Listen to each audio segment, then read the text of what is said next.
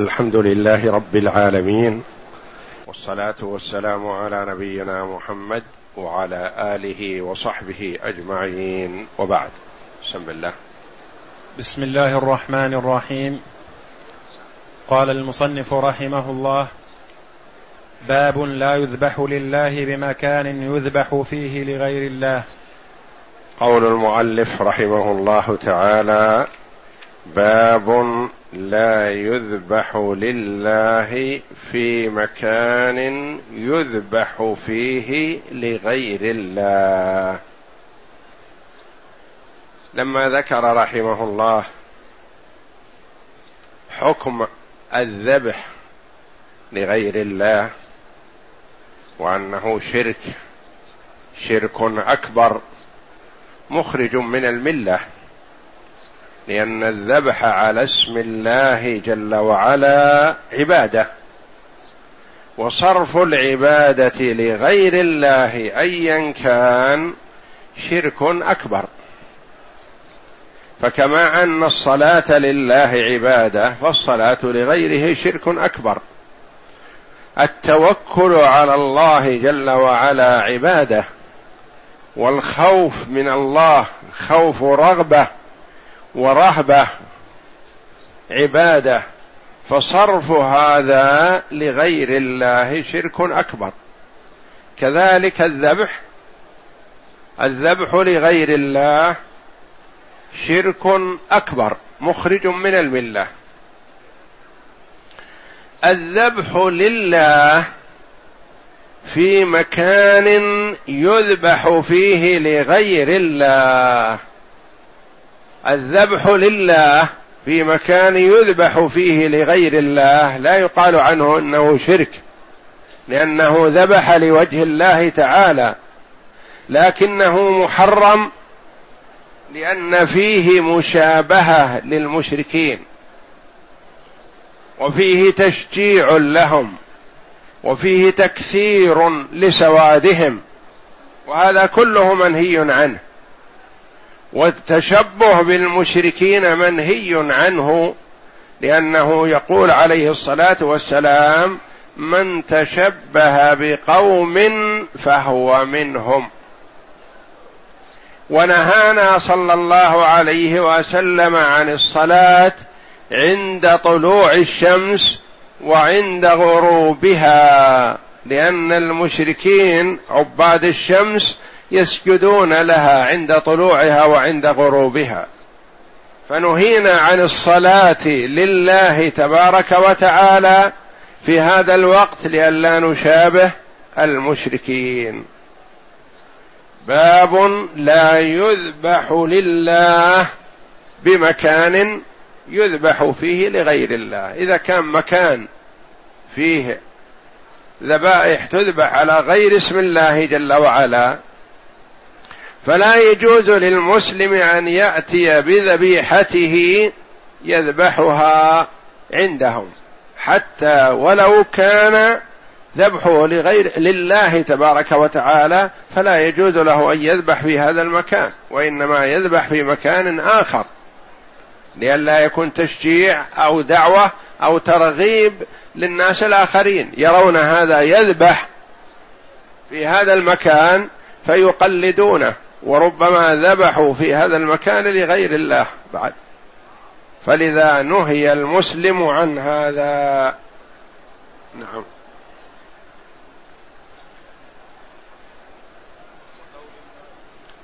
وقول الله تعالى لا تقم فيه أبدا.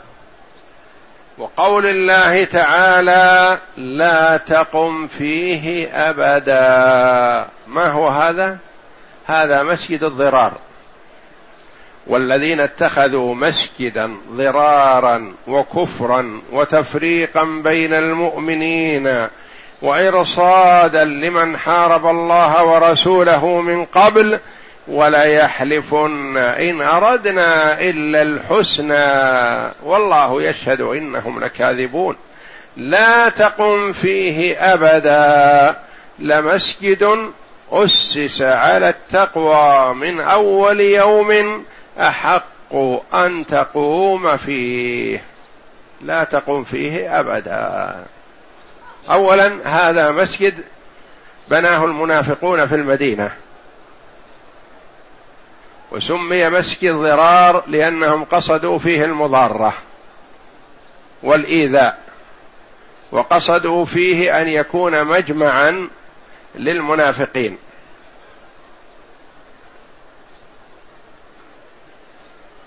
وذلك أن رجلا من الأنصار من الأوس ومن الخزرج يدعى أبو عامر وكان يدعى أبو عامر الراهب الراهب.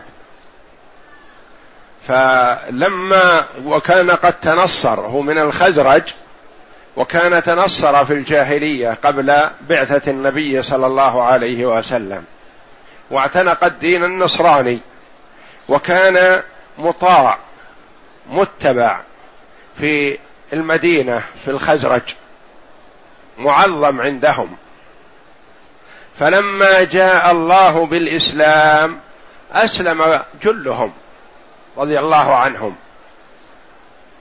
وشرق هو بالدعوة الإسلامية لأنه رأى والعياذ بالله من تلاعب الشيطان به وإلا الإسلام يزيده عزا إلى عزه. والإسلام ما يهضم حق العزيز وحق الكريم. فشرق بالدعوة ولم يقبل دعوة محمد صلى الله عليه وسلم. وأخذ يجمع المنافقين حوله. وخرج إلى مكة ليؤلب كفار قريش على النبي صلى الله عليه وسلم. وكان له مساع سيئة في تجميع الجيوش ضد النبي صلى الله عليه وسلم. وكان من مساعي هذه وقعة أحد. ثم نصر الله جل وعلا عبده ورسوله محمدا صلى الله عليه وسلم المسلمين. وظهر أمر رسول الله صلى الله عليه وسلم واتبعه الناس فشرق. فما استطاع أن يعمل شيئا نحو قومه لأنه جاء إلى قومه وطلب منهم المساعدة ليهجم على النبي صلى الله عليه وسلم فقالوا بئس الرجل أنت يا فاسق. كان يسمى الراهب فسموه رضي الله عنهم الفاسق لأنه كان راهب في الجاهلية فلما جاء الله بالإسلام فسق شرق بالدعوة ولم يقبلها فكان فاسقا. فما وجد له مجال في حول المدينة فذهب إلى خارج المم... إلى خارج الجزيرة العربية وإلى الشام. وطلب من ملوك الشام أن يساعدوه وملوك العراق أن يساعدوه على غزو النبي صلى الله عليه وسلم. فوعدوه وعدا وهم كاذبون ولن يستطيعوا شيئا بإذن الله. فاستبشر هو بهذا الوعد وكتب لأصحابه المنافقين في المدينة لأن فيها منافقون. فكتب لهم أن يبنوا مسجد مكان يكون متجمع لهم على شكل مسجد حتى يموهوا على المسلمين إنهم يجتمعون للصلاة ويجتمعون للعبادة وهم يجتمعون للتخطيط ضد المسلمين. فبنوا المسجد وهيئوه على شكل مسجد وقريب من مسجد قباء. وأرادوا بهذا أن ينزعوا بعض الجماعة اللي في مسجد قباء ليأتوا إليهم. فسمي مسجد ضرار يعني مضارة لأهل قباء. والله جل وعلا يعلم ما في نفوسهم. فجاءوا إلى النبي صلى الله عليه وسلم من مكرهم وخداعهم قالوا يا رسول الله بنينا مسجد للرجل الكبير والليلة المطيرة والليلة الباردة والى آخره. يصلي فيه العاجز ومن لا يستطيع الوصول إلى مسجدك وإلا فلا نفضل شيئا على مسجدك والصلاة خلفك. فنحب أن تصلي لنا فيه. لينال من بركة النبي صلى الله عليه وسلم. فقال النبي صلى الله عليه وسلم نحن الآن على جناح سفر لأنه كان يتهيأ عليه الصلاة والسلام لغزوة تبوك. ولكن إن شاء الله إذا رجعنا إذا رجعنا من تبوك من غزوتنا هذه نأتي إليكم ونصلي في مسجدكم. عليه الصلاة والسلام لأنه عليه الصلاة والسلام لا يعلم الغيب إلا ما أطلعه الله جل وعلا. فلما رجع النبي صلى الله عليه وسلم من تبوك وما بقي عليه عن المدينة إلا يوم أنزل الله جل وعلا قوله تعالى والذين اتخذوا مسجدا ضرارا وكفرا وتفريقا بين المؤمنين وإرصادا لمن حارب الله ورسوله من قبل. وليحلفن إن أردنا إلا الحسنى. والله يشهد إنهم لكاذبون. لا تقم فيه أبدا. لمسجد أسس على التقوى من أول يوم أحق أن تقوم فيه. مسجد قبى. وقيل مسجد رسول الله صلى الله عليه وسلم ولا منافاة. فكلاهما أسس على التقوى. لمسجد أسس على التقوى من أول يوم حق أن تقوم فيه. فيه رجال يحبون أن يتطهروا والله يحب المطهرين. فأرسل صلى الله عليه وسلم رجلين من الصحابة رضي الله عنهم ممن كانوا معه لهدم هذا المسجد وتسويته بالأرض.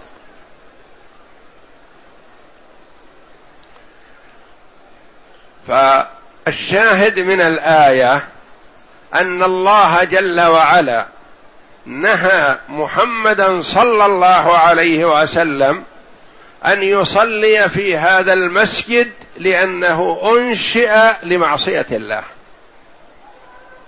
والنبي صلى الله عليه وسلم قطعا سيصلي لله ويتعبد الله ومن يصلي معه من الصحابة رضي الله عنهم كلهم كذلك. لكن الله جل وعلا نهاهم لما يعلم سبحانه وتعالى فهو يعلم السر وأخفى. يعلم ما سيصدر من المرء قبل أن يصدر منه. يعلم الشيء على حقيقته تبارك وتعالى. فأمر النبي صلى الله عليه وسلم بهدم هذا المسجد. والشاهد قوله لا تقم فيه أبدا. المؤلف رحمه الله أتى بالشاهد من الآية لا تقم فيه أبدا يعني لا تصلي فيه لأنه مسجد ضرار. وصفه الله جل وعلا بهذه الصفات الشنيعة الخبيثة والذين اتخذوا مسجدا ضرارا وكفرا وتفريقا بين المؤمنين وإرصادا لمن حارب الله ورسوله من قبل أبو عامر الراهب الفاسق. وإرصادا لمن حارب الله ورسوله ولا يحلفن إن أردنا إلا الحسنى. يقول ما أردنا إلا علشان يصلي فيها الضعيف والمريض ومن لا يستطيع الوصول إلى مسجدك. ولا يحلفن إن أردنا إلا الحسنى والله يشهد إنهم لكاذبون. لا تقم فيه أبدا لأن الله جل وعلا يعلم الأمور على حقيقتها. وهو يشهد شهادة اطلاع وعلم. لا تقم فيه أبدا. لمسجد أسس على التقوى. مسجد قبى وقال بعض المفسرين مسجد النبي صلى الله عليه وسلم مسجد المدينة. ولا منافاة لأنه إذا كانت الآية نزلت في مسجد قباء فمسجد المدينة أولى بالفضل. ومسجد المدينة أسس على التقوى لأن النبي صلى الله عليه وسلم هو الذي أسسه. أول ما وصل المدينة نزل في قباء عليه الصلاة والسلام فأسس مسجد قباء ثم توجه إلى المدينة عليه الصلاة والسلام. فيه رجال يحبون أن يتطهروا فلذا شرع النبي صلى الله عليه وسلم زيارة مسجد قباء. لمن كان في المدينة. فرق بين من كان في المدينة نقول يستحب له أن يزور مسجد قباء. وزيارة مسجد قباء ورد أنها تعدل عمرة. فيذهب ويصلي فيه. وكان النبي صلى الله عليه وسلم يزور مسجد قباء راكبا وماشيا. ويصلي فيه ويعود عليه الصلاة والسلام إلى المدينة. فتستحب زيارته لمن كان في المدينة. أما من كان خارج المدينة فلا يشرع له أن يقصد الزيارة لمسجد قباء وإنما يقصد الزيارة للمسجد النبوي. فإذا وصل المسجد النبوي أنشأ الزيارة لمسجد قباء. لقوله صلى الله عليه وسلم لا تشد الرحال إلا إلى ثلاثة مساجد. فمثلا مسجد أثري قديم في العبادة مثلا تقول أرتحل أروح أصلي فيه طلبا للثواب والبركة. مثلا تقول مسجد العباس في الطائف مسجد قديم وأثري والى آخره. تنتقل من مكة إلى المدينة لتصلي في مسجد العباس نقول لا حرام عليك. ما يجوز. أنت منهي عن هذا. إذا وصلت كنت في الطائف مثلا وقلت أحب أن أصلي في هذا المسجد لأنه مسجد قديم في العبادة. وكلما كان الموقع في قدم في العبادة فهو أفضل من غيره. فركبت سيارتك مثلا من مكان إلى مكان من الطائف لأجل تصلي في مسجد العباس لأنه تقول هذا يصلى فيه من زمن الصحابة رضي الله عنهم. فأصلي في مسجد كان الصحابة رضي الله عنهم يصلون فيه. أحب إلي من أن أصلي في أي مسجد من المساجد اللي ما أنشئ إلا من خمس سنوات أو عشر سنوات. لا بأس نقول خيرا فعلت لأنه كل ما كان المسجد أقدم في العبادة فهو أفضل. لكن تذهب من مكة تقول صلي في مسجد العباس نقول لا أنت ممنوع. لقوله صلى الله عليه وسلم لا تشد الرحال إلا إلى ثلاثة مساجد فقط. تقول ألا يأتي على هذا مثلا الرجل يشد الرحل يذهب ليزور أقاربه منهي عن هذا؟ نقول لا هذا صلة رحم. هذا صلة رحم وإنما البقاع. يعني ما تنتقل من مكان إلى مكان لبقعة. لأجل بقعة موقع لأجل مسجد لأجل مكان أثري مثلا على سبيل العبادة. فلا. فيه رجال يحبون أن يتطهروا. سألهم النبي صلى الله عليه وسلم ما هذا الطهور الذي أثنى الله عليكم به؟ قالوا يا رسول الله ما نعلم إلا أنه كان لنا جيران من اليهود وكانوا إذا تبرزوا غسلوا أدبارهم بالماء. لأن كان معروف عند الكثير الاستجمار. والاستجمار مسح مكان الخارج بثلاثة حجارة أو بمنديل أو بتراب ينقيه يكفي إذا لم يتعدى الخارج موضع العادة. فيكفي الاستجمار. أهل قبى كانوا مع الاستجمار استنجاء غسل بالماء. فقال هو ذاك عليه الصلاة والسلام. أقرهم على هذا فدوموا عليه. يعني كون الإنسان إذا قضى حاجته يستجمر اولا ثم يستنجي بالماء هذا أفضل. فإن لم يمكن هذا وهذا جميع فالاستنجاء الغسل بالماء أفضل. فإذا لم يغسل بالماء فيكفيه الحجارة حتى مع توفر الماء. لا لا يكون الاستنجاء الاستجمار خاص بفقد الماء لا. حتى مع وجود الماء له أن يستجمر والماء متوفر. والله يحب المطهرين. هذا فيه إثبات صفة صفة المحبة لله جل وعلا. وأن الله يحب المطهرين ويحب المحسنين ويحب التائبين ويحب المتقين. فإثبات صفة المحبة لله جل وعلا خلافا لبعض الطوائف الضالة الذين ينفون صفة المحبة لله جل وعلا. يقولون إذا أثبتنا المحبة شبهنا الله بخلقه. نقول لا. صفات الله جل وعلا تليق به وصفات الخلق تليق بهم. لو هم ما عطلوا إلا بعدما تصوروا التشبيه. وأهل السنة والجماعة يثبتون إثباتا بلا تشبيه وينزهون تنزيها بلا تعطيل. والطائفتان الضالتان المشبهة والمعطلة. المشبهة اثبتوا الصفة وشبهوها بصفة الخلق. تعالى الله. والمعطلة نفوا الصفة قالوا حتى لا نشبه. حتى لا نشبه نفوا الصفة. اذا ماذا تكون صفة الباري جل وعلا؟ وأهل السنة والجماعة اثبتوا الصفة لله على ما أثبتها لنفسه وأثبتها له رسوله صلى الله عليه وسلم من غير تشبيه ومن غير تعطيل. لا تشبيه ولا تعطيل. وإنما اثبتوا الصفة على ما يليق بجلال الله وعظمته. ولا يتصور المسلم أن أي صفة من صفات الباري جل وعلا تشبه صفات الخلق. لا. ولا يليق به ذلك ولا يجوز له ذلك. لا يخطر على باله أنه إذا قيل كذا في صفات الباري سميع بصير عليم الرحمن على العرش استوى ينزل ربنا حين يبقى ثلث الليل الآخر إلى سماء الدنيا فينادي هل من سائل هل من مستغفر هل من تائب. هذه صفات منها صفات ذاتية ومنها صفات فعلية. كالنزول والاستواء صفات فعلية وكالعلم والبصر وصفات ذاتية.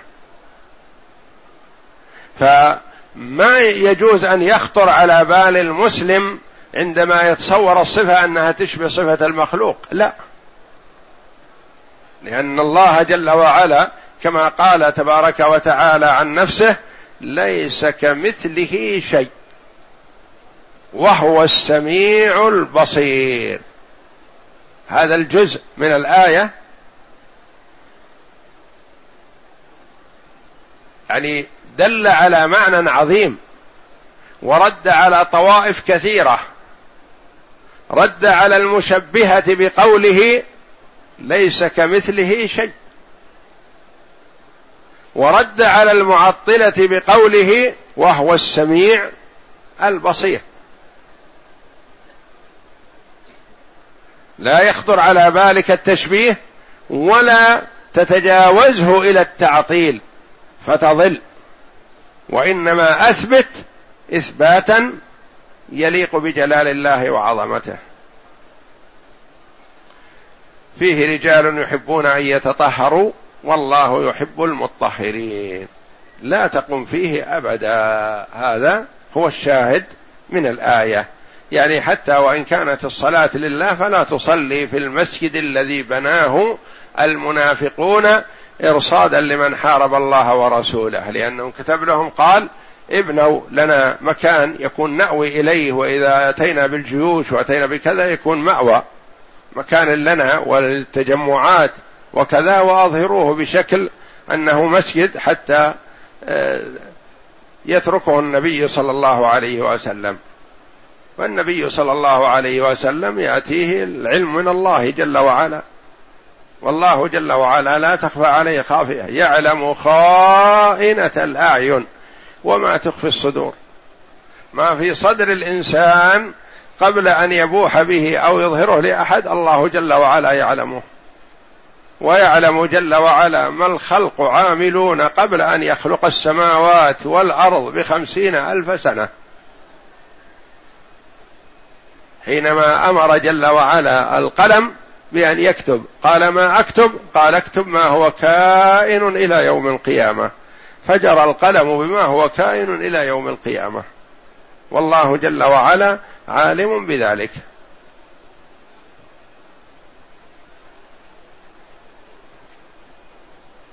نعم.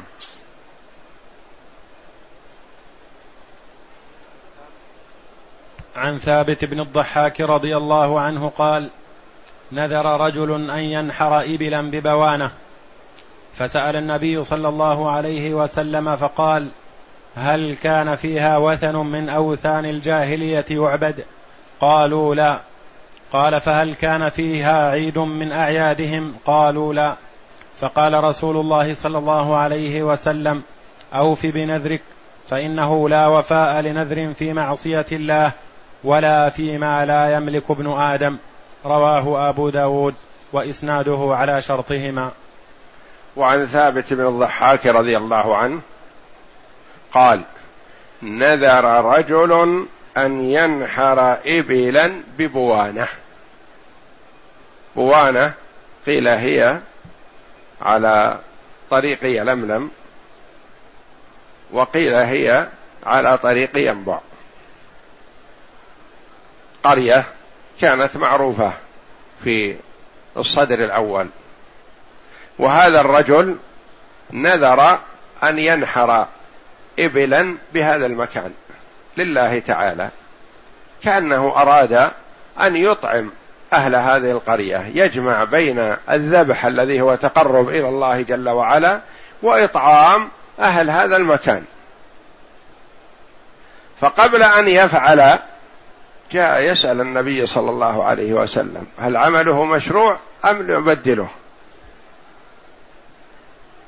فسأل النبي صلى الله عليه وسلم النبي صلى الله عليه وسلم ما أجابه على مباشرة وإنما سأل. هل كان فيها وثن من أوثان الجاهلية يعبد؟ يعني خشية أن يكون هذا الرجل مثلا رأى أن هذا المكان معظم في الجاهلية فأحب أن ينحر فيه تعظيما له. والنبي صلى الله عليه وسلم لا يعلم الغيب إلا ما أطلعه الله جل وعلا. هل كان فيها وثن من أوثان الجاهلية يعبد في القديم أو في الجديد؟ أدركتم شيئا من هذا؟ قالوا لا ما فيها شيء. والوثن هو ما عبد من دون الله على أي شكل والصنم ما عبد على شكل خاص. هل كان فيها وثن من أوثان الجاهلية عبد؟ فيها شجرة تعبد فيها جبل يعبد فيه مبنى له شيء من العبادة فيها قبر فيها شيء من هذا؟ قالوا لا ما فيها شيء.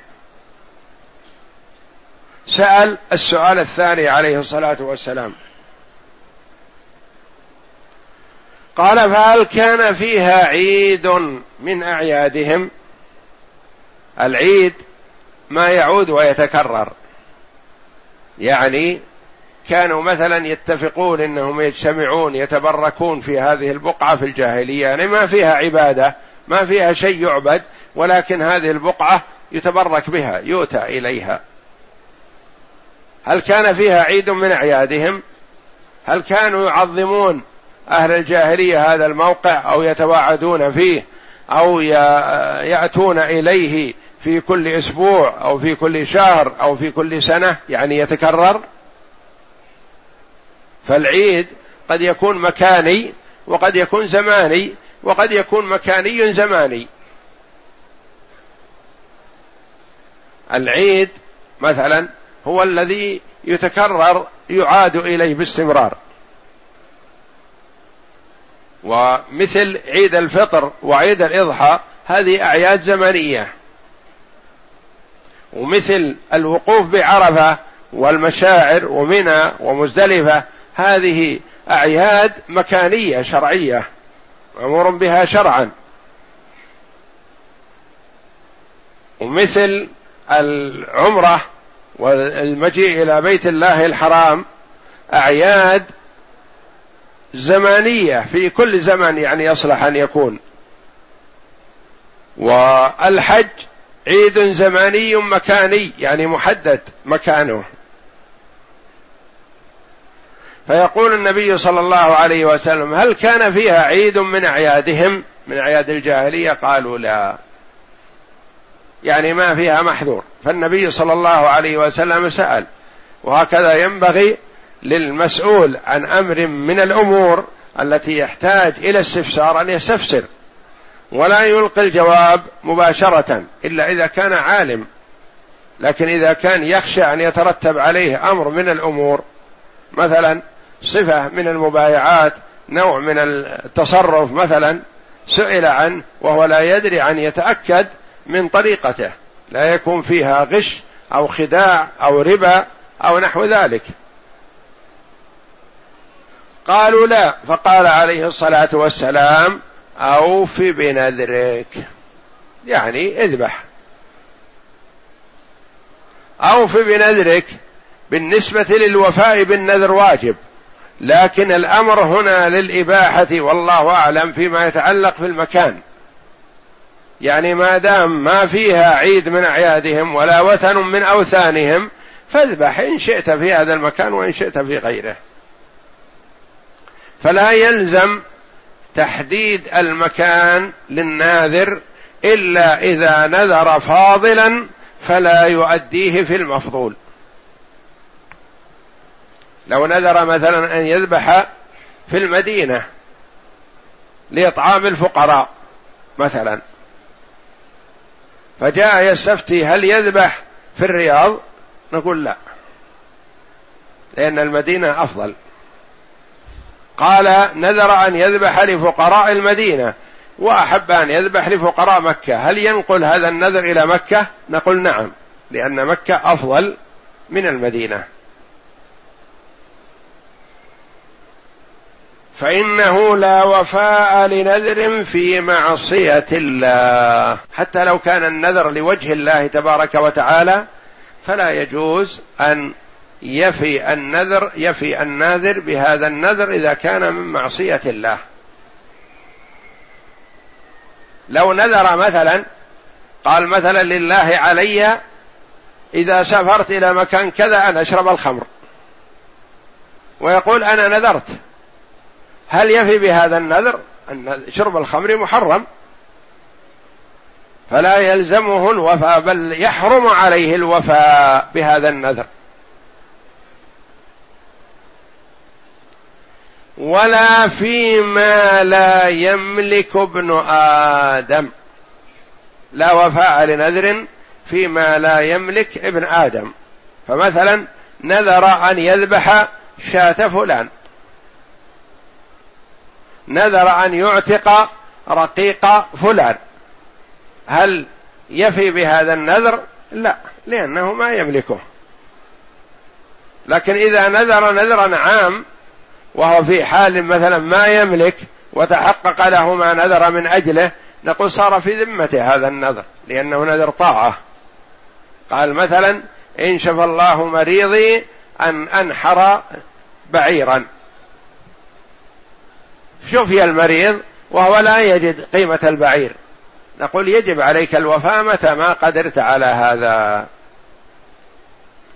أوف بنذرك فإنه لا وفاء لنذر في معصية الله ولا فيما لا يملك ابن آدم.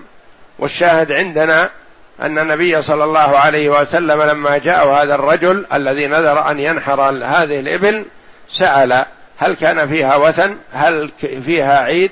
فلما أخبر بأنه لا وثن فيها ولا عيد قال له أوفي بنذرك. دل على أنه لو كان فيها وثن لمنعه. لو كان فيها عيد من أعياد الجاهلية لمنعه لأنه لا يجوز للمسلم أن يتقرب إلى الله جل وعلا في مشابهة الكفار.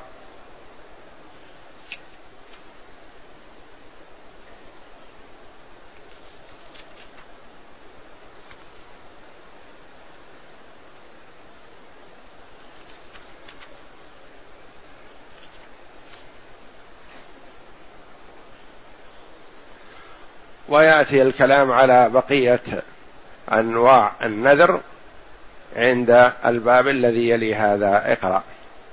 باب من الشرك. باب من الشرك النذر لغير الله. باب من الشرك النذر لغير الله. النذر من حيث هو نذر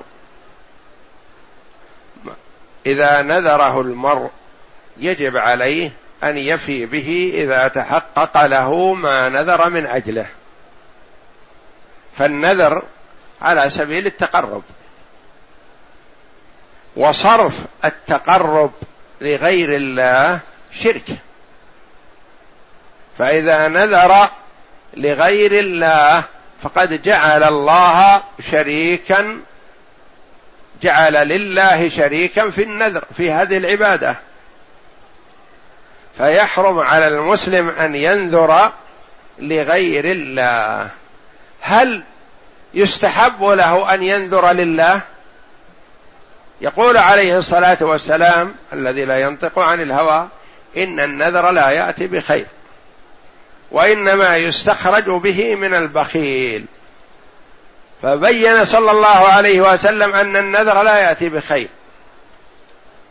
وأن الناذر يستحق أن يوصف بأنه بخيل. لما؟ لأنه بخل بالطاعة حتى يكون في مقابل. كأنه يقول يا ربي اعمل لي كذا وأعمل كذا. وإلا لا. وهذا ما يجوز. ولهذا منع كثير من العلماء النذر وقالوا إن النذر حرام. إذا نذر وتحقق له ما نذر من أجله وجب عليه الوفاء به. انتبه بارك الله فيك. يأتينا شخص يقول ولدي مريض. وآخر يقول أنا مقدم على امتحان وأخشى من الإخفاق. يقول صاحب المريض هل ترون إني أنذر إن شفى الله مريضي أن أصوم شهرا أو أن أذبح بعيرا أو أن أتصدق بألف ريال؟ وذاك يقول هل ترون لي مشروعية النذر. أنذر إن نجحت في الامتحان أن أصوم كذا أو أتصدق بكذا أو أذبح كذا. نقول لا. للاثنين معا. نقول لا ما يجوز لكم النذر. ولا ينبغي. والنبي صلى الله عليه وسلم بين أن النذر لا يأتي بخير. أنت تريد من وراء هذا النذر شيء والنبي عليه الصلاة والسلام قال إن النذر لا يأتي بخير. وهو الصادق المصدوق صلوات الله وسلامه عليه. فلا تنذر. إن أحببت أن تتصدق أو تصوم أو تذبح تقربا إلى الله جل وعلا بدون نذر وتسأل الله ما أحببت. رضي وسكت وجلس. جاء آخر وقال إنني نذرت. إن شفى الله مريضي أن أذبح بعيرا. وآخر مثله يقول إنني نذرت أن نجحت في الامتحان أن أذبح بعيرا. والآن قد نجحت. والآخر يقول شفي مريضي. فما الحكم؟ نقول يجب عليكما الوفاء بالنذر. لأن الله جل وعلا امتدح الموفين بالنذر في قوله يوفون بالنذر ويخافون يوما كان شره مستطيرا. الأول جالس يسمع. يقول يا سبحان الله أنا أستفتيكم هل افعل تقولون لا. وهؤلاء تقول لهم يجب عليكم. يجب عليك أن تفي بنذرك. نقول نعم. أنت سألت قبل أن تفعل فنقول أحسن لا تنذر. واسأل الله ما أحببت ولا تنذر. هؤلاء نذروا نذروا وتحقق لهم ما نذروا من أجله يجب عليهم أن يفوا بالنذر. فمن استشار هل ينذر أو لا نقول لا يا أخي ما يحسن أن تنذر. لأنك إن نذرت فقد وصفت بالبخل. بمنطوق النبي صلى الله عليه وسلم. وأنت تأمل من هذا النذر الخير. والنبي صلى الله عليه وسلم يقول إن النذر لا يأتي بخير. وأنت حينما نذرت صحيح أن فيك شيء من صفات البخل. كأنك تقول لربك يا ربي إن شفيت مريضي صدقت وإلا فلا. وهذا البخل. إن شفيت مريضي صمت وإلا فلا. ولا ينبغي للعبد أن يقول كذا مع ربه جل وعلا. يصوم ويتصدق ويتقرب إلى الله ويسأل الله ما أحب. لكن شخص نذر وتحقق له ما نذر من أجله نقول يجب عليه أن يفي. ما لم يكن نذر معصية فلا. فالنذر لغير الله شرك والنذر لله مكروه أو محرم. ومن فعل وتحقق له ما نذر وجب عليه أن يفي بنذره. نعم. وقول الله تعالى يوفون بالنذر ويخافون يوما كان شره مستطيرا. امتدح الله جل وعلا الموفين بالنذر ولم يمدح الناذرين. ما مدح الناذرين وإنما مدح الموفين. فالمرء إذا نذر في الفعل وتحقق له ما نذر فيجب عليه أن يفي. وإذا لم ينذر فنقول له ما يحسن منك أن تنذر. لا تنذر لأن النذر لا يأتي بخير. فرق بين مدح الموفين ونهي الناس عن النذر نهي الناذرين. الناذر منهي بمنطوق النبي صلى الله عليه وسلم. والناذر بالفعل وتحقق له ما نذر يجب عليه الوفاء لأنه إن لم يف بنذره فيكون وعد وعدا وأوجبه على نفسه ولم يفي به. فيحرم عليه ذلك. نعم. وقوله وما انفقتم من نفقه أو نذرتم من نذر فان الله يعلمه. وقوله جل وعلا وما انفقتم من نفقه أو نذرتم من نذر فان الله يعلمه. هذا فيه حث على الوفاء بالنذر لمن نذر. وحث على الإنفاق في طاعة الله جل وعلا. لأن الله جل وعلا يقول ما أنفقتم من نفقة قليلة أو كثيرة. الله يعلمها ويثيب عليها ويعلم ما في نيتكم. أو نذرتم من نذر فإن الله يعلمه. مطلع عليه. فلا تنسى أو تترك نذرك إذا نذرت وتحقق لك ما نذر. تقول ما أدري عنه أحد. أنت أوجبته على نفسك وجب. إذا تحقق إذا قلت إن شفى الله مريضي ذبحت بعيرا مثلا.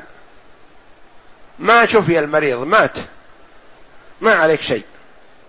لأنه ما تحقق لك ما نذرت من أجله. شفي المريض يجب عليك الوفاء بالنذر.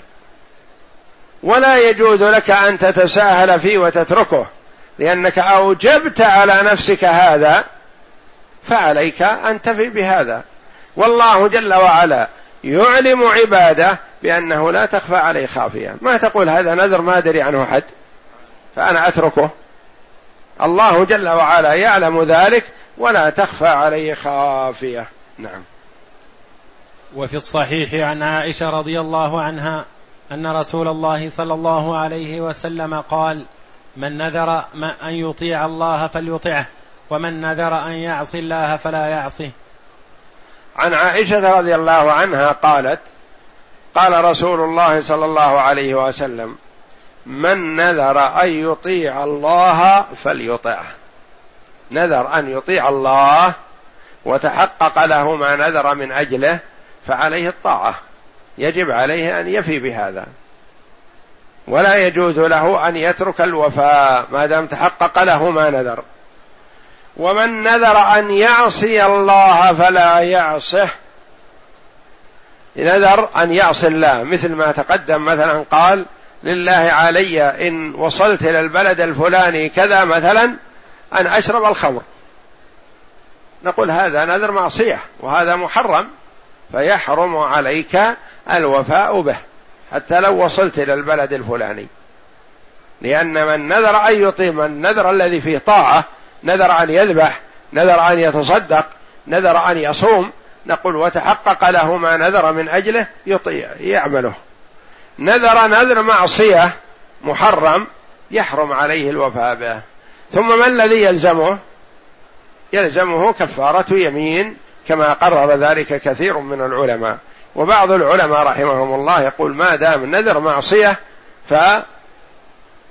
فكفارته تركه أنه لا يعصي الله ولا يلزمه شيء آخر.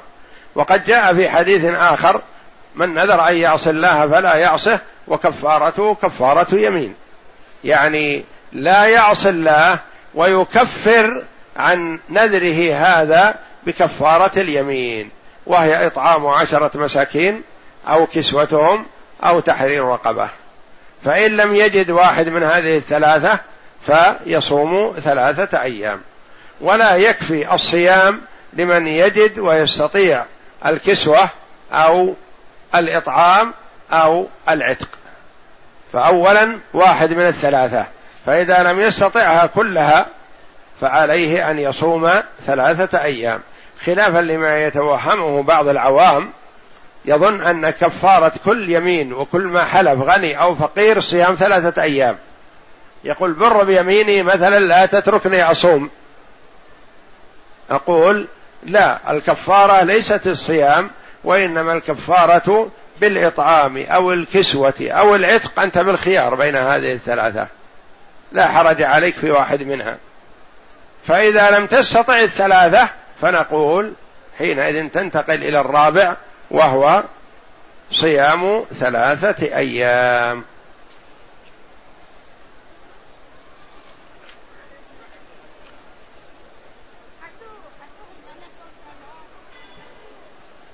ففهمنا أن من نذر نذر طاعة أن وتحقق له ما نذر أن عليه أن يفي بذلك.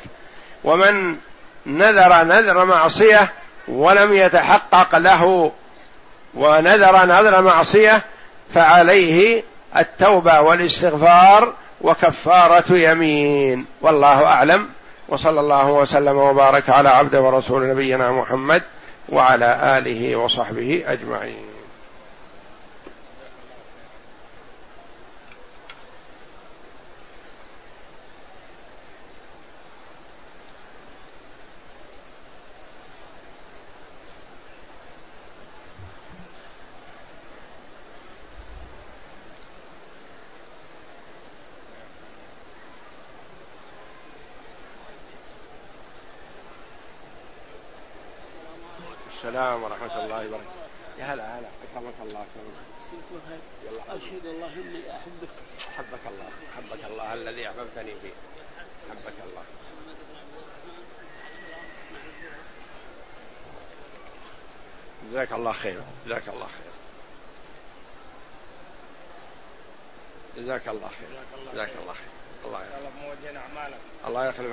انفقت ويبارك لك فيما أبقيت. اكتب. يقول السائل ذهبت إلى زيارة أحد الإخوة بجدة وعندما هممت بالعودة بدا لي أن أعمل عمرة. فهل هذا صحيح أم لا؟ نعم هذا صحيح. إذا ذهبت إلى جدة أو الطائف أو أي مكان وأنت ما كان عندك نية للعمرة. لكن بعد هذا عزمت على العمرة. فنقول نعم تحرم من مكانك الذي أنت فيه سواء كان دون الميقات مثل جدة أو كان وراء الميقات مثل الطائف تحرم إذا حاذيت الميقات. ولا يلزم أن تكون نية العمرة موجودة عندك حال خروجك من مكة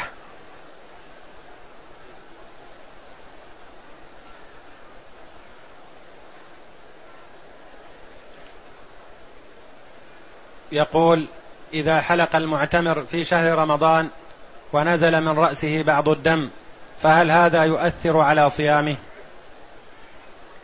ما يؤثر الدم هذا على اللي ينزل من الرأس أو من اليد أو من الرجل أو نحو ذلك ما يؤثر على الصائم لأن الذي يؤثر على الصائم الحجامة بقوله صلى الله عليه وسلم أفطر الحاجم والمحجوم. وأما الدم الذي ينزل من الرجل أو من اليد أو من الرأس أو نحو ذلك فلا يؤثر على الصائم والحمد لله.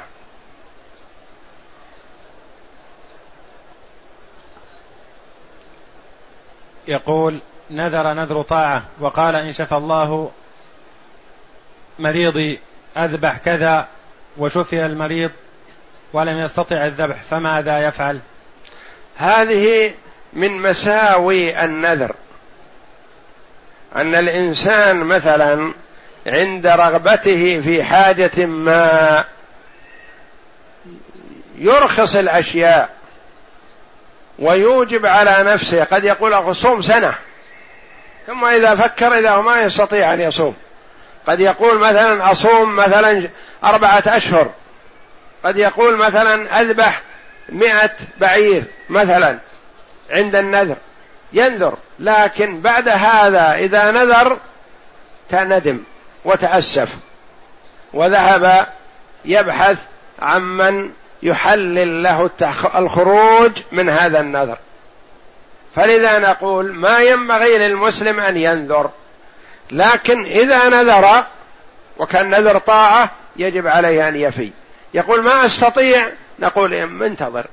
متى ما استطعت أوف بنذرك.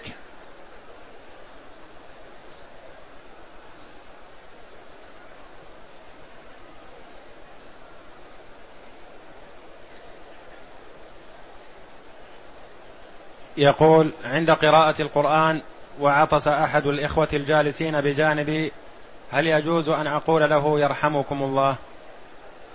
نعم. إذا كان عطس بجوارك وسمعته يقول الحمد لله فشمته لأن من هذا من حق المسلم على المسلم أن تشمته إذا عطس. يسأل هل في العسل زكاة؟ نعم. إذا اجتمع منه شيء نصاب بقدر النصاب فإنه يجب إخراج الزكاة فيه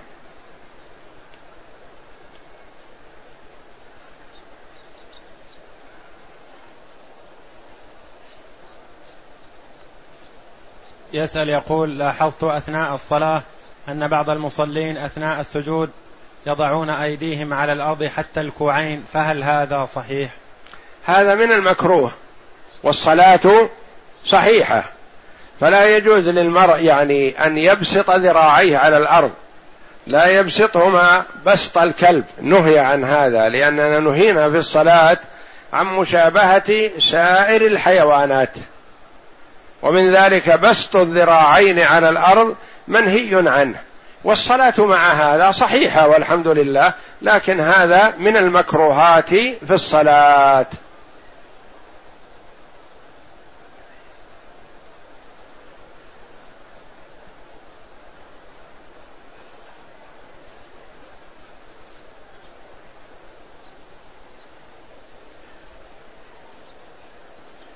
يقول السائل هل طواف تحية المسجد واجب؟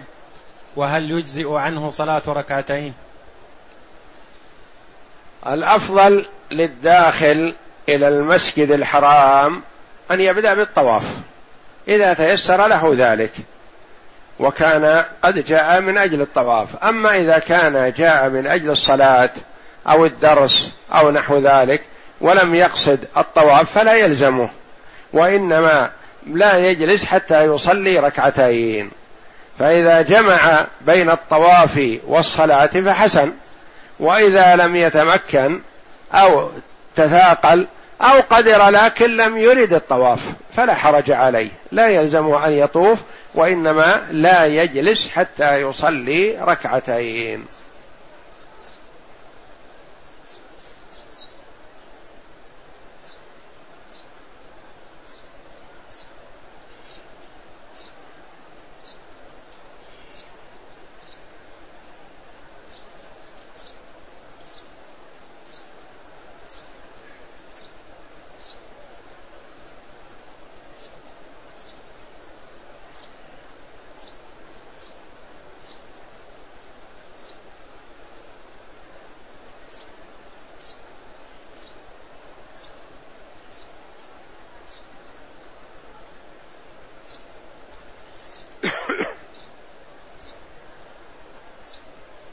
يقول أحضر يوميا تقريبا إلى المسجد الحرام عند صلاة العصر وأصلي المغرب ثم أطوف وبعدها أصلي ركعتين خلف المقام إن تيسر.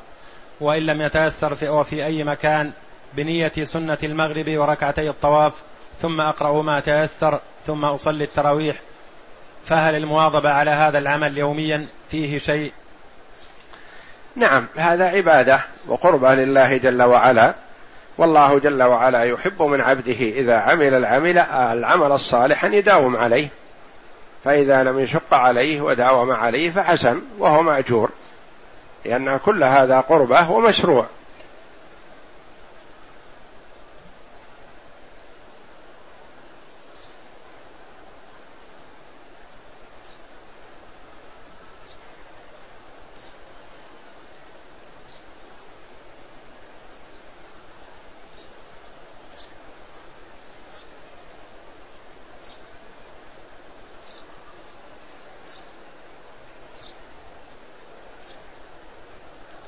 يقول ما حكم من يعمل في البحر في شهر رمضان وهو قد يحتاج إلى الغطس تحت الماء أحيانا عند حدوث عطل تحت السفينة وعندها سوف يدخل بعض الماء داخل حلقه. اولا عمله في البحر لا بأس به حال صيامه وفطره. ما دام ما يدخل جوفه شيء من الماء. فإن عمل ودخل في جوفه شيء من الماء أفطر. لأن الماء إذا دخل الجوف أفطر الصائم.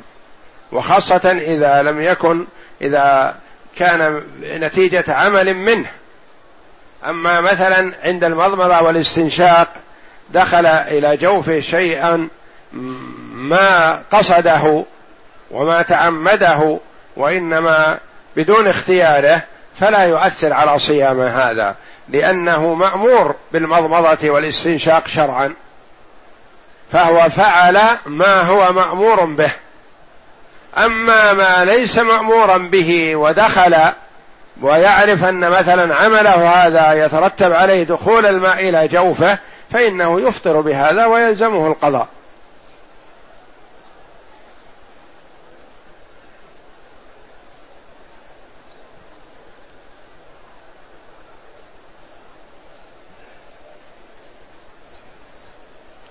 يقول السائل لدي جار يقوم بعمل السحر والشعوذة والكذب على الناس وأكل أموال الناس بالباطل ويقوم بذبح الذبائح ويطلب من الناس أن يأتوه بالدجاج والخراف ولا يصلي إلا يوم الجمعة.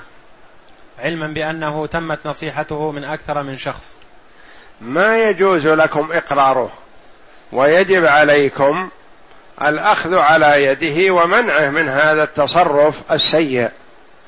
فإن لم تستطيعوا شيئا فترفعوا أمره إلى الولاية أو تشهروا به ليجتنبه الناس لأن من يعمل السحر والشعوذة ما يصح إقراره ولا الستر عليه.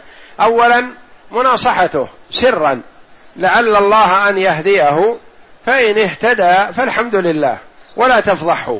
وإذا أبى ورفض فاستعن عليه بمن يعينك وامنعه من هذا قدر استطاعتك. ولا يجوز لكم إقراره على هذا لأن هذا من الاطلاع على المنكر وإقراره. والمعصية إذا خفيت لا تضر إلا صاحبها وإذا ظهرت وأعلنت ضرت الصالح والطالح. أثم بهذا كل من علم ولم يقم بوجه ذلك بما يجب عليه نحو ذلك.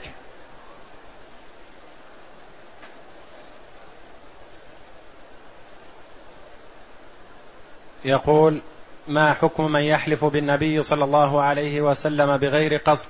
هل هو كافر أم لا؟ يجب عليه التوبة وإذا تاب فالله جل وعلا يتوب عليه. والتوبة تجب ما كان قبلها فقد يكون المرء يعمل شيء من المعاصي سواء كان عن جهل أو عن علم لكنه عاصي يعرف أنه عاصي. فالواجب عليه الآن التوبة والندم على ما فرط منه والعزم على الا يعود. والله جل وعلا يتوب على من تاب. وإلا فقد قال عليه الصلاة والسلام من حلف بغير الله فقد كفر وأشرك.